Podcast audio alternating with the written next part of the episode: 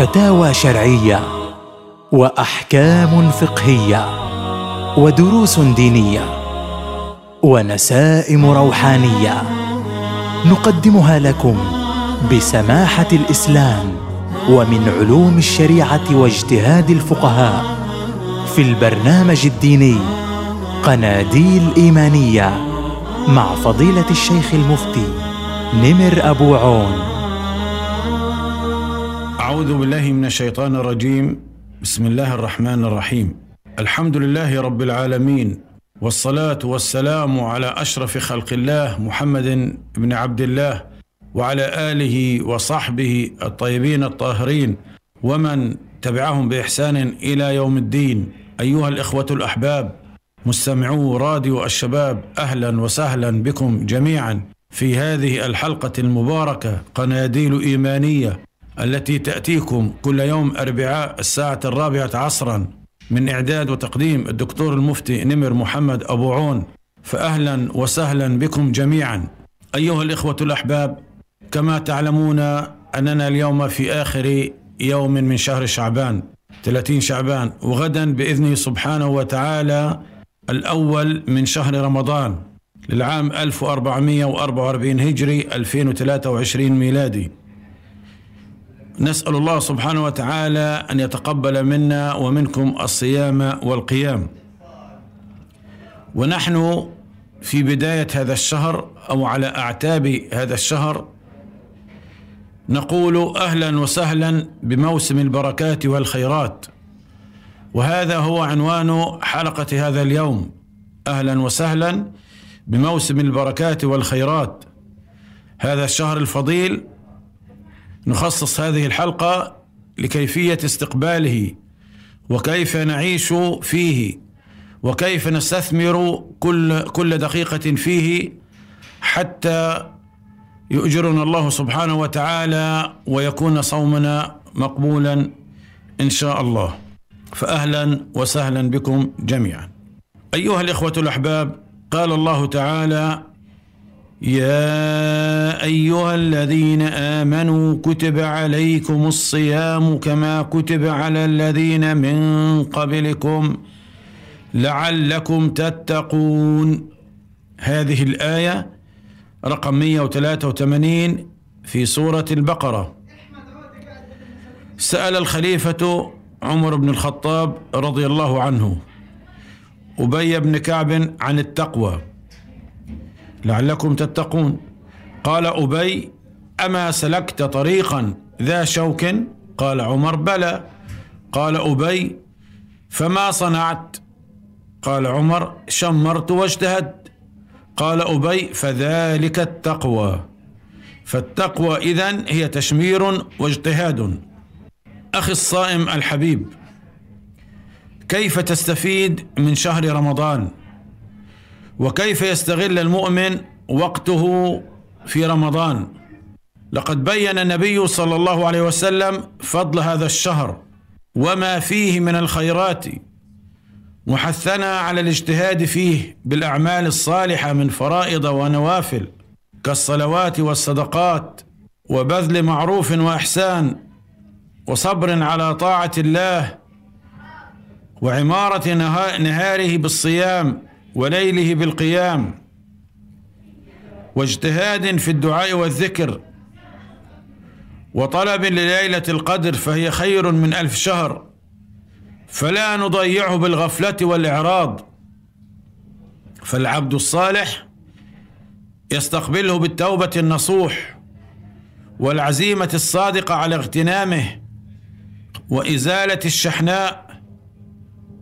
فرمضان مقبل علينا ولا بد أن يحدث المسلم تغييرا في نفسه وبيته وحتى مجتمعه. فما أكرم ربنا وما أعظم فضله علينا. ولهذا كان الخاسر المحروم من من حرم المغفرة والقبول في هذا الشهر الكريم. عن كعب بن عجرة رضي الله عنه قال قال رسول الله صلى الله عليه وسلم احضروا المنبر إذا جاء إلى المسجد وطلب من الناس أن يقتربوا من المنبر. فيقول كعب بن عجرة فحضرنا فلما ارتقى درجة قال آمين. فلما ارتقى الدرجة الثانية قال آمين. بدون طبعا أن يكلمه أحد. فلما ارتقى الدرجة الثالثة قال آمين. فلما نزل قلنا يا رسول الله. لقد سمعنا منك اليوم شيئا ما كنا نسمعه. يعني شيء غريب. يعني قلت أمين ثلاث مرات لحالك بدون ما حدا يسألك ولا حدا يكلمك. قال صلى الله عليه وسلم إن جبريل عليه السلام عرض لي فقال بعدا لمن أدرك رمضان فلم يغفر له. قلت آمين. فلما رقيت الثانية الدرجة الثانية قال بعدا لمن ذكرت عنده فلم يصلي عليك. قلت آمين. اللهم صل على محمد وعلى آل محمد. فلما رقيت الثالثه قال بعدا لمن أدرك أبواه الكبر عنده أو أحدهما فلم يدخلاه الجنة. قلت آمين. فكلمة بعدا أي ابتعد عن رحمة الله ابتعد عن مغفرة الله. فهو قد خسر الشيء الكثير خسر الحسنات. فهذا الشاهد في الحديث أيها الإخوة الأحباب أن من دخل رمضان وخرج منه ونقول هذا الكلام ونحن ما زلنا لم ندخل رمضان سويعات قليلة وندخله باذنه سبحانه وتعالى. دخل رمضان وخرج منه ولم تتحقق الغاية من الصوم. وهي قوله تعالى لعلكم تتقون. أي لم تحصل له التقوى. فدخل رمضان بنفس المعاصي والآثام والأعمال القبيحة والسيئة التي كان يعملها قبل رمضان واستمر عليها في رمضان ولم يتركها ولم يزدد من الحسنات وأداء الصلوات وتلاوة القرآن والعبادات. وخرج من رمضان بنفس الرصيد السابق. فهذا خسر الشيء الكثير الكثير. بعدا له بعدا لمن أدرك رمضان فلم يغفر له. أنت صمت وجعت خسارة ذلك تعب وجوع وسهر وفي نهاية الأمر لم يغفر لك فعلا بعدا لك. لذلك أخي الصائم إذا كنت تريد أن تستفيد من صيامك فاحرص كل الحرص على أن تحقق الوظائف الأساسية الآتية. سنقولها بالتفصيل بعد هذا الفاصل بإذنه سبحانه وتعالى. حتى نستفيد من صيامنا وقيامنا وصلاة التراويح وتلاوة القرآن لا بد لنا من العديد من الأشياء. اولا نؤكد أن رمضان فرصة للتائبين. نقول للذين أسرفوا على أنفسهم بالمعاصي فالشياطين قد صفدت وأبواب الجنان قد فتحت والناس ما بين صائم وخاشع وباك فإلى متى الغفلة؟ قل يا عبادي الذين أسرفوا على أنفسهم لا تقنطوا من رحمة الله. ويقول سبحانه وتعالى في آية أخرى وتوبوا إلى الله جميعا أيها المؤمنون لعلكم تفلحون. هذه الآيات أيها الإخوة الأحباب يجب أن تحرك فينا كل ذرة في أجسامنا. هذه الآيات يجب أن تسري فينا مصر الدماء في العروق. وتوبوا إلى الله جميعا أيها المؤمنون. هنا الحديث والخطاب موجه إلى المؤمنين. بمعنى إذا كان المؤمن عليه أن يتوب بل جميع المؤمنين. فما بالنا بالغير مؤمن والعاصي والبعيد عن عن شريعة الله سبحانه وتعالى. من باب أولى ومن باب أحرى أن يوجه له الخطاب وأن يتوب خاصه في هذا الشهر الفضيل. وكذلك النبي صلى الله عليه وسلم يقول إذا كان أول ليلة من شهر رمضان صفدت الشياطين أي هذه الليلة المقبلة بإذنه سبحانه وتعالى. ومردة الجن.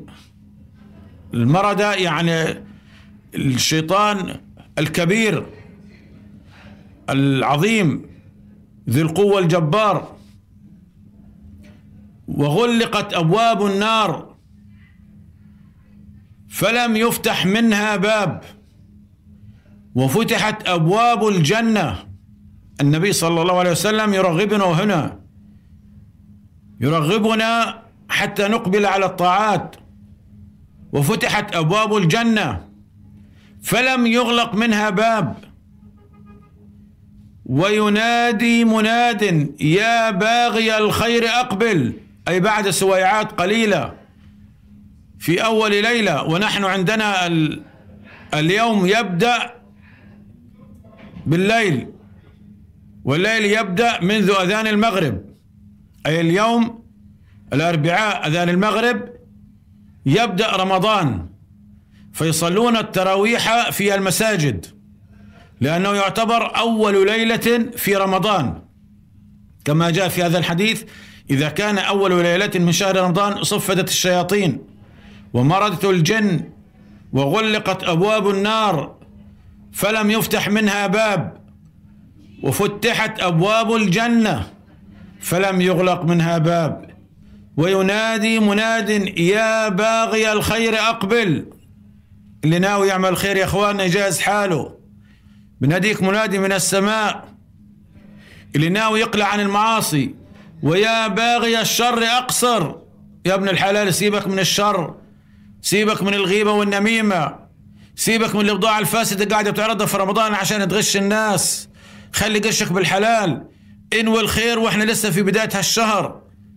خلي ربنا يرفع عنا الأمراض ويرفع عنا كل الأسقام والأوبئة والحصار وكل شيء. ولله الرسول صلى الله عليه وسلم يكمل الحديث. ولله عتقاء من النار وذلك كل ليلة. ماذا نريد أكثر من ذلك؟ ماذا نريد ترغيب أكثر من ذلك؟ بعد سويعات ينادي مناد من السماء يا باغي الخير أقبل ويا باغي الشر أقصر. أيضا رمضان تزكية النفوس والسلوك. رمضان فرصة أيها الإخوة الأحباب لتهذيب أخلاقنا وترك فحش قولنا. النبي صلى الله عليه وسلم يقول فإن سابه أحد أو قاتله فليقل إني امرؤ صائم. لأنه بعض الناس يعني وكأنه بحمل الناس جميلة وبمن عليهم ابعدوا عني أنا صايم. وبقاتل في أهل الدار وبقاتل في ماشي الشارع. ويعني وكأنه شو فيش إلا هو صايم في كل البلد. ما كل الناس صايمين. لكن النبي صلى الله عليه وسلم بيعرف يعني النفوس. وأحيانا بكون ناس تتجاوز الحد. ممكن يسبك ممكن يشتمك ممكن يقاتلك. فالنبي عشان تتحقق التقوى عنا شو بوجه النبي؟ بقول فإن سابه أحد أو قاتله فليقل إني امرؤ صائم. يعني بالعامية بديش أضيع صيامي وأرد عليك. الله يسهل عليك يعني لو واحد شتمك سبك غلط عليك حتى لو قاتلك ابعد عنه. ما تضيعش صيامك. وكذلك يقول صلى الله عليه وسلم في حديث آخر لهؤلاء الذين يسبون الآخرين ويشتمون ويقاتلون. يقول من لم يدع قول الزور والعمل به فليس لله حاجة أن يدع طعامه وشرابه. وهذا الحديث في البخاري. قول الزور أي أي قول غير مطابق للحقيقة. تشهد شهادة تضيع حقوق الآخرين سواء كتابة أو قولا. وأنت طبيب مثلا أجالك واحد ساق سليم بصحته ما شاء الله شاب كويس.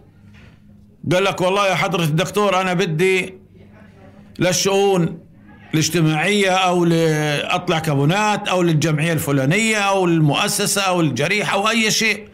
بطل وبس ناقص علي جمعت كل ورق ناقص علي ورقة منك. إنه أنا مريض في المرض الفلاني. أنت طبعا حتقول أنا إيش ناقص علي؟ هات لك كم من 100 شيكل وتكتب له الورقة. هذه شهادة زور. أنت يعني حرمت غيرك من من من, من الخير لأنه غيره أولى وشاب بيقدر يشتغل بصحته ما شاء الله عليه هي طول طويله قدامك لكن غيره فعلا مريض غيره غيره فعلا جريح ومعاه تقارير صادقة ومصدقة من مستشفيات ومجالات طبية رسمية. هذه شهادة زور أو تشهد شهادة زور عشان اللي بدك تشهد له مصلحته مصلحتك عنده. أوعك أوعك في رمضان تعمل هالكلام. فليس لله حاجة أن يضع يدع طعامه وشرابه. يعني إذا أنت بتكاش تسيب الكلام الكذب وكلام الباطل وكلام الزور وشهادة الزور على الفاضي يعني ربنا مش محتاج إنه تسيب وتترك طعامك وشرابك.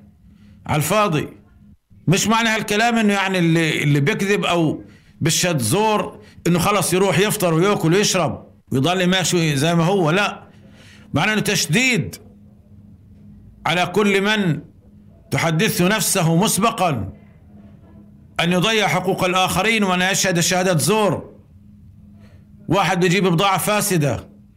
كنت أنت بتشتغل في موقع رسمي في بلدية في مؤسسة في وزارة في جمعية في أي مكان.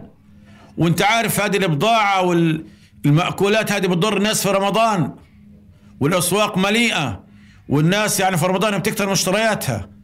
فاللي عنده بضاعة فاسدة عنده أي شيء بقول لك يلا دف في رمضان اعمل تنزيلات اعمل عروض نزل في الشارع بيع في الشارع ما حدش شايف. فإذا كنت أنت في في موقع مسؤولية بتقدر تمنعه وما منعتوش أنت آثم أنت شاهد شهادة زور. ما تقولش الله يرزقه. طبعا إحنا بنقول الله يرزقه لكن ربنا ما يرزقوش بالمال الحلال. نقول الله يرزقه بالمال الحلال. المال الحلال مش يرزقه بالمال الحرام. لأنه ضرره للآخرين وصحة الناس وبيعوا بضاعة فاسدة وفات تاريخها. يفرغها من علبة لعلبة ومن كرتونة ل... لبوكيتات صغيرة. وفي الأخير يبيع الناس. هذه حرام. فأنت ادعي له بالرزق الحلال وشجعه على رزق الحلال. لكن الرزق الحرام لا. وستين لا. فأنت هيك صح هو كسب له كم من شيكل لكن انت ضريت عامة المسلمين ضريت الناس. فلا يجوز. فرمضان أيها الأخوة الأحباب فرصة لتربية أنفسنا على معالي الأمور وعالي الهمم وفرصة لننزع الكسل والتقصير عن كواهلنا. رمضان فرصة لصقل نفوسنا من الأخلاق الرديئة والعادات المشينة. فرصة للعلو بالنفوس إلى مقامات الصالحين ودرجات العابدين. لذلك كل واحد فينا أيها الإخوة الأحباب أي إنسان يراجع نفسه بيعرف إيش في عنده تقصير إيش في عنده سيئات بده يعالجها. طب إيش في عنده حسنات؟ إيش في عنده أشياء؟ أخلاق فاضلة وموجودة في الأول يحمد ربنا سبحانه وتعالى إنه ربنا خلاني هيك. وبعدين يعززها يزيدها ويثبت عليها. إذا أنت والله صادق ومتعود على الصدق أو تاجر وما بتبيع إلا الا الإشي الصح الإشي الصحي خليك ماشي هيك. قول الحمد لله اللي ربنا وفقني ويسر أمري. اوعك تطلع على اللي حواليك وبغش الناس. اوعك تطلع للي بوكل ربا وباخد قروض من البنوك. إحنا في رمضان. موضوع الربا والقروض من البنوك منتشر يا اخواننا الكرام. في بعض التجار بيقول لك بدي الحق موسم العيد موسم رمضان. بدي أروح اخذ لي قرض. مش مشكلة ربا وغير ربا المهم اترزق في رمضان ابيع هذه فرصة. ببيع بكسب لي كذا ألف شيكل. والشيطان بوحي له بقول لك يلا بعد رمضان بعد العيد بسد القرض البنك وبتوب لربنا. اوعك اوعك اوعك. كله حرام في حرام لا يجوز. الطريق الخبيث مستحيل أن يكون طريقا للرزق الحلال. وأهم العبادات الصلاة المحافظة على الصلاة. رمضان أيها الإخوة الأكارم فرصة للمقصرين في الصلاة بأن يحافظوا عليها فرضا ونافلة وجماعة في بيوت الله والذين هم على صلاتهم يحافظون. أولئك في جنات مكرمون. الله أكبر. سورة المعارج آية 34 و 35 والله إن هذه الآية تبكي الإنسان. والذين هم على صلاتهم يحافظون. كان راح يخطب ولا بده يتجوز ولا بيسألوا أهله كيف ابنك؟ كيف والله بصلي بس بقطع. إيش بقطع؟ وين هذه بتنصرف في أي بنك؟ فيش حاجة اسمها بصلي وبقطع. والذين هم على صلاتهم يحافظون. الصلاة يا إخواننا ويا أخواتنا الكريمات ما بدهاش واحد واحد يقول لها قوم صلي. بدهاش الأم أمها تقول لها قوم صلي ولا أبوها ولا جوزها ولا ابنها ولا أخوها وأنت. وأنت يا شاب اللي نايم على التخت. قوم صلي من حد ما تسمع الأذان. هذول الناس اللي اللي بدون ما حد يقول لهم ربنا مدحهم في القرآن. وأعطاهم أجر. الله أكبر. إيش بدك أكثر من هيك؟ أولئك في جنات مكرمون. ما قالش حتى في جنة. مكرمون. إحنا اليوم الواحد بيشتري فواكه تقدرش تشتري لك كيلو فاكهة من اللي أنت نفسك فيها إذا ما كانش معك مصاري. لكن عند ربنا جنات. تصور جنات. عرضها السماوات والأرض. لا دنم ولا دنمين ولا ثلاثة ولا أربعة. يا ابن الحلال ويا بنت الحلال كيف بتضيعوا على حالكم أجر الصلاة؟ والذين هم على صلاتهم يحافظون. هذا شعار. اكتبوا على باب الغرفة وانت يا يا بنت اكتبيه على باب الغرفة. هذا الكلام يجب أن يكون دائما حاضرا أمام أعيننا. وقال رسول الله صلى الله عليه وسلم ما من عبد مسلم يصلي لله كل يوم ثنتي عشرة ركعة تطوعا غير فريضة إلا بنى الله له بيتا في الجنة. أو إلا بني له بيت في الجنة وهذا الحديث في صحيح مسلم. هذا بشكل عام. مقصود هنا الصلوات السنن الرواتب بسموه سنن الرواتب غير الفرض غير 17 ركعة فرض. وكذلك أيضا في شهر رمضان قال صلى الله عليه وسلم من قام رمضان ايمانا واحتسابا غفر له ما تقدم من ذنبه. طول عمره بنسمع الحديث. قام رمضان أي صلى صلاة القيام. قيام الليل. فصلاة قيام الليل ما بعد العشاء إلى أذان الصبح.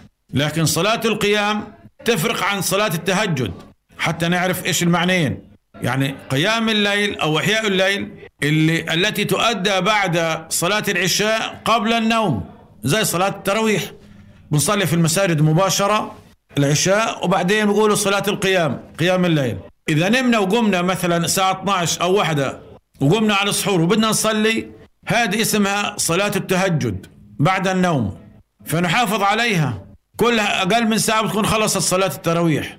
عشانك يا إخواننا بنوجه النصيحة. من الليلة الليلة حيصلوا التراويح في المساجد.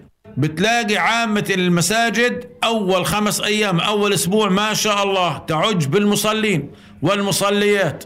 النساء والبنات والولاد والكنة والبنت والكبير والصغير أغلب الدور كلها بتطلع الجوامع. والله منظر كويس.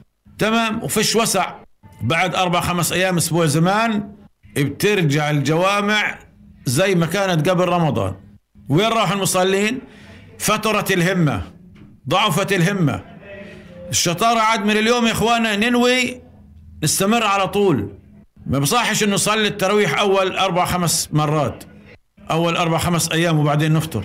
حتى لو كان عندك مشوار حتى لو كان عندك صلة رحم وانت رايح تصل الرحم وانت رايح مشوارك أو رايح تزور الناس صلي في الجامع القريب عندهم. أو إذا رايح تشتري من السوق صلي في الجامع القريب عند السوق. لأنه فيش في كل قطاع غزة حارة من الحارات إلا فيها مسجد. فبالتالي ما تضيعش على حالك. خسارة والله خسارة لأنه سيدنا النبي إيش بقول لك؟ غفر له ما تقدم من ذنبه. يا أخي والله أجر ببلاش. والله ربنا بحبنا. غفر له ما تقدم من ذنبه. أي كلنا أذنبنا كنا أخطأنا. معقول يعني إذا صلينا وقمنا رمضان اللي جاي ذنوبنا الأولانية كلها بتغتفر؟ طبعا. خلي أمرك في الله قوي. بس اقبل على الله. ما تخليش الشيطان يلعب في عبك. ما تخليش الشيطان يوسوس لك يقول لك لا. مستحيل ذنوبك ضايلة زي ما هي ولو صليت قد ما تصلي لا. اكسر الشيطان ما تردش عليه. روح صلي. كمان بدنا إشي غير الصلاة إخواننا الكرام. تجديد العهد مع القرآن.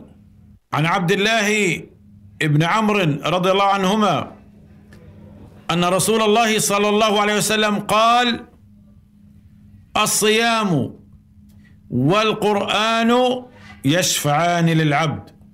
يا سلام.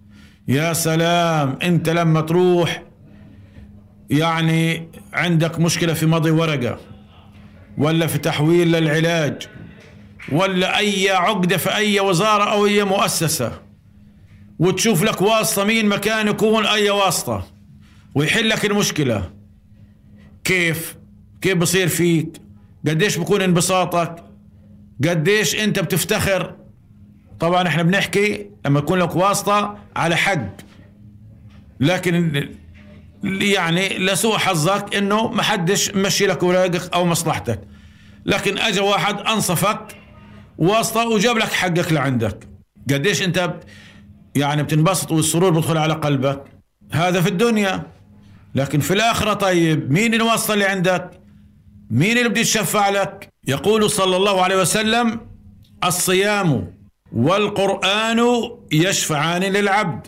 أيوة واسطتك صيامك قرآنك. يقول الصيام رب إني منعته الطعام والشهوات بالنهار فشفعني فيه. والله يا رب كان الأكل قدامه الطعام قدامه والشراب قدامه وكان لحاله في البيت بس ما رضيش يأكل. ليش؟ خوف منك يا رب. شفعني فيه. والقرآن إيش بيقول؟ ويقول القرآن منعته النوم بالليل فيشف فيشفعان. فيشفعان. ربنا كرامل الصلاة وكرامل القرآن بكون عليك ذنوب بكون عليك خطايا بكون عليك سيئات عشان صمت وعشان قرأت القرآن. ربنا يعني اشفع لك شو بدك أحلى من هيك؟ شو بدك أكتر من هيك وإحنا لسه ضايل ساعتين لرمضان ما تضيعش الوقت؟ انوي نية خير من الآن. كذلك من أهم العبادات في شهر رمضان الإنفاق في سبيل الله. إن الصبر على الجوع والعطش ينمي خلق الصبر لدى المؤمن ويعلمه تطهير النفس من الأنانية والشح ويجعله متعاطفا مع المحتاجين. فعن النعمان بن بشير رضي الله عنه قال قال رسول الله صلى الله عليه وسلم مثل المؤمنين في توادهم وتراحمهم وتعاطفهم.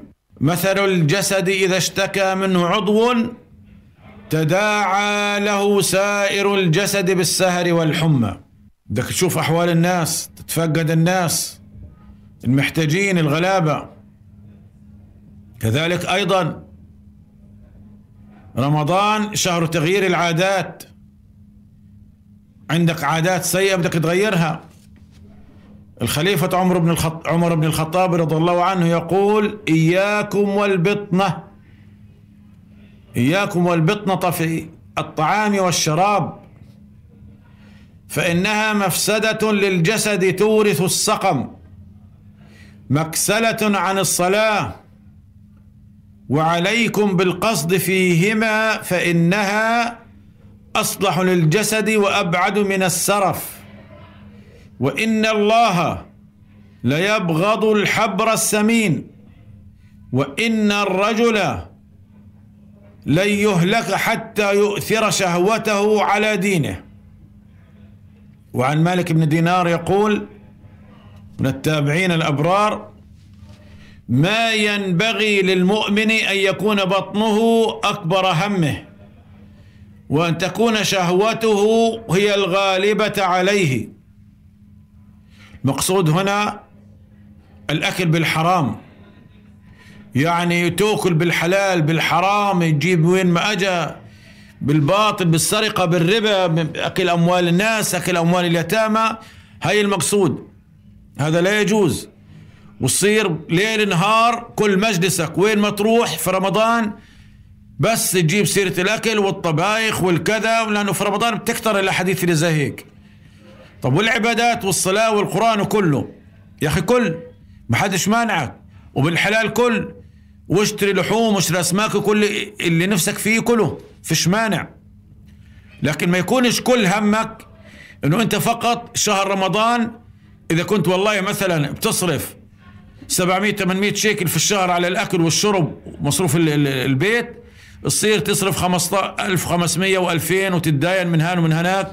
وفي الأخير زي ما بيقولوا بالعامية يعني لو كل السوق يشوفوا الصايم بشبعوش.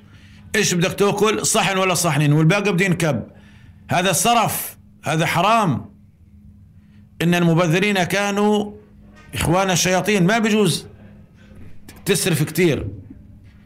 فرمضان فرصة لتغيير عاداتنا في الطعام والشراب وفي الأخلاق والسلوكيات وفي التعامل مع الناس والأهل والأقرباء. فلنحرص على اغتنام هذه الفرصة. إذا كنت ترتكب بعض أو أحد الذنوب فأقلع عنه فورا. هذا أيضا من من تغيير العادات في رمضان. واقبل على الله بالتوبة واعقد النية على عدم الرجوع إليه. لتحقق الغاية من الصيام وهي الوارده في قوله تعالى لعلكم تتقون. كذلك أخي المؤمن إذا كنت عاقا لوالديك أو أحدهما فأسرع أخي الحبيب إلى برهما. فما قيمة عبادة لا يزينها ويجملها بر الوالدين اللذين جمع الله بين برهما وعبادته. وقضى ربك ألا تعبدوا إلا إياه وبالوالدين إحسانا. سورة الإسراء آية رقم 23 كذلك أيضا من أهم الأعمال صلة الرحم. فإذا كنت قاطع رحم فأسرع إلى وصلها في هذا الشهر العظيم. يبارك الله لك في مالك وعمرك وولدك وعملك كله. فما قيمة أن تصوم وأنت تقطع ما أمر الله به أن يوصل. فهل عسيتم إن توليتم أن تفسدوا في الأرض وتقطعوا أرحامكم؟ هذه الآية رقم 22 سورة محمد. فقطيعة الرحم تعد من الإفساد في الأرض. كذلك أيضا أيها الأخ المؤمن أيها الأخ الصائم يا من تنوي دخول رمضان ويغفر لك إذا كنت تؤذي جارك بأي نوع من الأذى فأدرك يا أخي نفسك وارفع أذاك عن جارك واجعل من رمضان جسرا للتواصل والمحبة وحسن الجوار. فأذى الجار من الكبائر وكيف تجمع بين الكبيرة في الذنب وعبادة عظيمة في رمضان. كذلك كل هذه الأعمال يجب علينا أن نعيها وعيا تاما. إذا كنت قد اعتدت على مجالس الغيبة والنميمة في الطرقات أو على المقاهي أو في البيوت على أبواب البيوت هذه العادة السيئة التي ربما لا تنتشر فقط إلا في قطاع غزة الجلوس على أبواب البيوت وفي الطرقات وعلى أبواب المحلات. ربما هذه العادة لا توجد في غالب البلدان إلا في قطاع غزة للأسف الشديد. فاعلم يا أخي أن هذه المجالس لا تتوافق مع صيامك. في رمضان فمن جلس مجلسا لا يذكر فيه اسم الله وكثر فيه الحديث الحرام فهي مجالس شيطان كل كلامهم على الغيبة والنميمة فلان وعلان والتنظيم الفلاني والفصيل العلاني وتوزيع الكابونات وكذا. وتقعد تشتم والجمعيات والمؤسسات والعائلات وكأنه أنت أبو العريف كأنه أنت أبو التقوى وأبو الورع. فكيف تجمع بين مجالس الشيطان وعبادة الصيام؟ تقعد لك ساعتين ثلاثة وأنت كلمة دين تذكرهاش كلمة حق تذكرهاش. لكن لما تروح على الجامع والخطيب يطول خمس دقائق ولا الدرس بصير قلبك يفرك ما عندكش وقت تقعد تسمع الدرس الدين. لكن في الشوارع عندك استعداد تقعد ساعتين وثلاثة في الغيبة والنميمة. فيجب أن تتغير هذه العادة إذا كنت من أهلها. كذلك أخي المؤمن حفظك الله. احرص على دروس العلم في المساجد. لعلك تستفيد لدنياك وآخرتك من أهل العلم والمواعظ الحسنة. والدعوة الطيبة إلى الخير من الدعاة والعلماء لتجمع بين صيامك وتعلمك أمور دينك فهذا نور على نور. كذلك تفقد أقاربك وجيرانك من المحتاجين وأنفق مما أعطاك الله ولو بالقليل. فالصدقة يضاعفها الله تعالى وما نقصت صدقة من مال. كذلك نصيحه لك أخي المؤمن أخ الصائم احرص على الأذكار والأدعية بعد الصلوات المكتوبة. قبل أن تخرج من المسجد واجعل لسانك رطبا بذكر الله سائر يومك لتجمع بين مسك الخلوف أي رائحة فم الصائم كالمسك ومسك الذكر. فهذا نور على نور أيضا. كذلك احرص على ختم القرآن مرة على الأقل لمن كان هاجرا له في غير رمضان ومرتين على الأقل لمن كان يداوم على قراءته في غير رمضان. هذا نقول على الأقل لكن في ناس ما شاء الله عليهم بيختم كل ثلاث أيام أو كل أسبوع. وأسهل طريقة وأيسرها لختم القرآن في رمضان هي بعد الصلوات الخمس. بأن تقرأ بعد كل صلاة مكتوبة أو قبلها أربع صفحات فقط. لينتهي الشهر بقراءة 604 صفحات. وهي صفحات القرآن كلها. ومن زاد زاده الله خيرا ورفع درجته في الجنان. فإنه يقال لصاحب القرآن اقرأ وارتقي ورتل كما كنت ترتل في الدنيا فإن منزلك عند آخر آية تقرأها. ما شاء الله. تشجيع تشجيع. لكل إنسان يقرأ القرآن. كذلك أحرص أخي الكريم على استثمار كل دقيقة من دقائق إقامة هذا الضيف الكريم فيما يرضي ربنا سبحانه وتعالى. فإنك لا تدري هل ستكمل هذا الشهر أم تكون في عالم الآخرة؟ أطال الله في عمرك بكل خير.